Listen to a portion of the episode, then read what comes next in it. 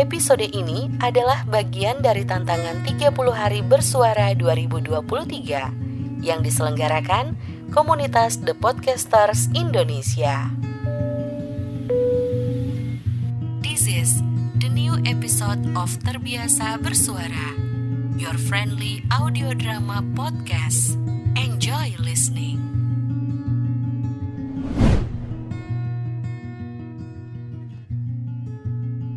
Ruang Pulu Aopo Papitu terbiasa bersuara online radio. Karebako Komiu. Musirata kembali Anteyaku Nura Ri terbiasa bersuara Karebaka Komiu. Eohi dan pendengar jadi begini.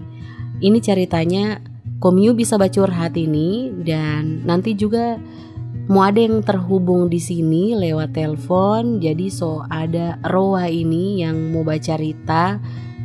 Bagaimana kasihan DP cerita ini? Dia sampai bangkit setelah dia terpuruk karena masa lalu atau barangkali ada yang pernah terjadi di kehidupannya.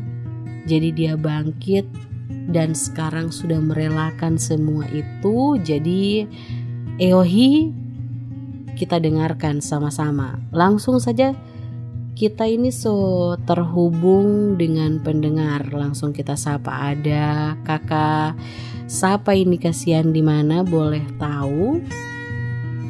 Iya, saya ini kasihan kakak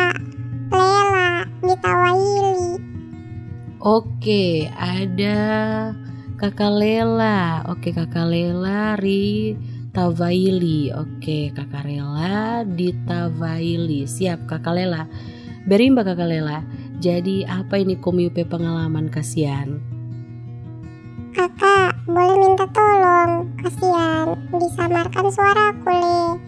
Ini juga saya pakai nama samaran soalnya saya tidak mampu sekali kasihan mau bertahan ini semua. Jadi saya mau cerita kalau saya punya perasaan saya sudah rela melepaskan semua karena saya mau sekali bangkit kasihan. Oh oke okay, oke okay, tenang. Jadi komiu pesuara ini sudah orang samarkan supaya nanti pendengar karebaka komiu ini nanti mengambil pesan saja dari Komiu. Jadi Komiu tenang saja. Ini kita orang so samarkan Komiu pesuara. Jadi Komiu bisa bercerita dengan nyaman. Silakan Kakak Lela. Bagaimana ceritanya? Oke kakak, jadi begini ceritanya. Saya itu merelakan semua yang terjadi Rama di kehidupanku Le saya sudah berjuang orang setengah mati untuk bisa kasih lepas perasaan-perasaanku yang tidak enak kesian masalahnya itu saya kesian cuma tinggal sendiri. Tidak ada lagi siapa-siapa kesian keluarga juga. Sistem tidak ada lagi yang peduli sama saya. Baru kasihan saya. So dilamar kasihan sama cowokku kan. Dia mau serius sama saya waktu itu. Sudah saya coba untuk dekati semua keluarganya kasihan kakak. Baru ya itu sudah. Keluarganya ternyata tidak setuju dengan latarku kasihan. Apa saya ini Ranga cuman sebatang kara. Apa saya Orang bilang saya kasihan tiada punya apa-apa. Orang bilang saya macam tiada lagi harga diriku kasihan kakak waktu itu. Kalau saya mengingat-ingat lagi kisahku itu kasihan menangis terus kasihan saya waktu itu kakak. Makanya itu le. Habis itu kasihan saya coba untuk bangkit.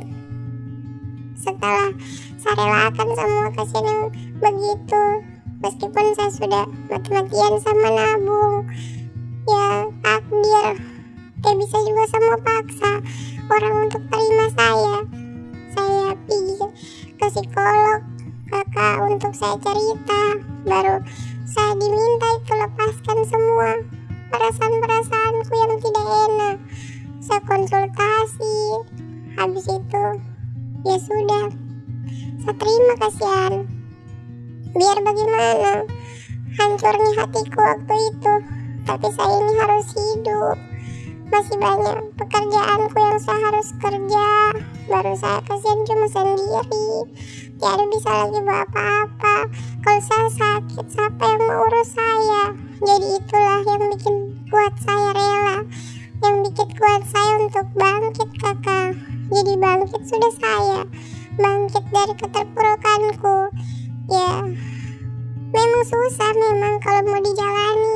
Tapi pelan-pelan saya juga terus doa terus kasihan supaya saya dikasih kekuatan. Syukurnya saya punya teman orang baik-baik semua kasihan kakak.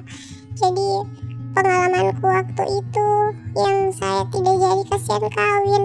Tidak jadi saya menikah kasihan. Sudah saya lepaskan saya relakan saya sekarang sudah jauh lebih baik sih kakak. Saya sekarang so berubah pelan-pelan. Yang memang saya tidak bisa bikin orang suka sama saya. Itu yang saya sadari sekarang. Biar bagaimanapun saya tidak bisa salahkan keluarganya. Kalau orang tidak mau terima saya apa boleh buat? Kasihan saya. Saya sudah begini. Kalau ada orang suka sama saya ya tidak apa-apa. Yang penting saya sudah berbuat yang baik maksimal. Mungkin itu saja kasihan kakak supaya jadi pelajaran untuk kita orang semua.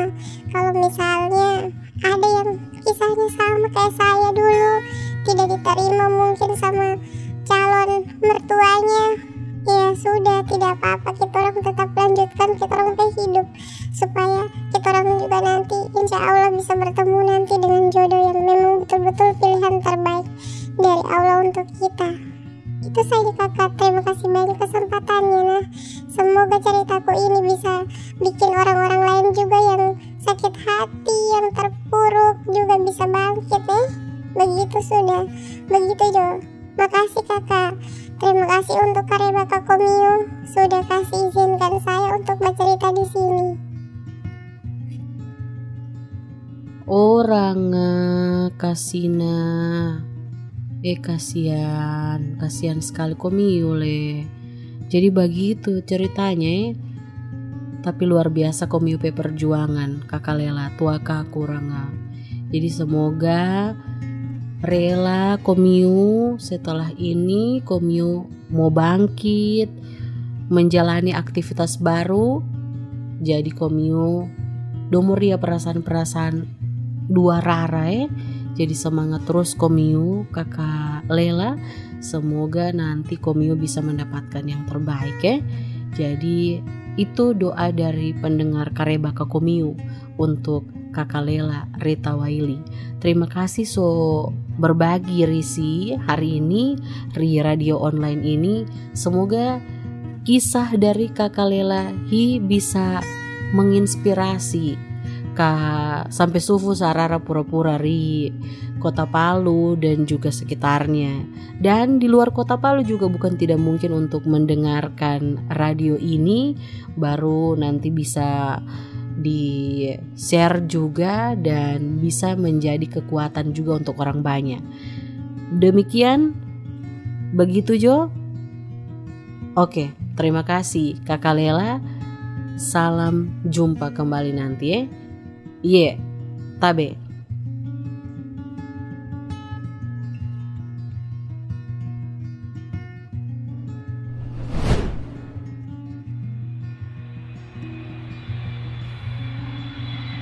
for listening terbiasa bersuara. See you next episode.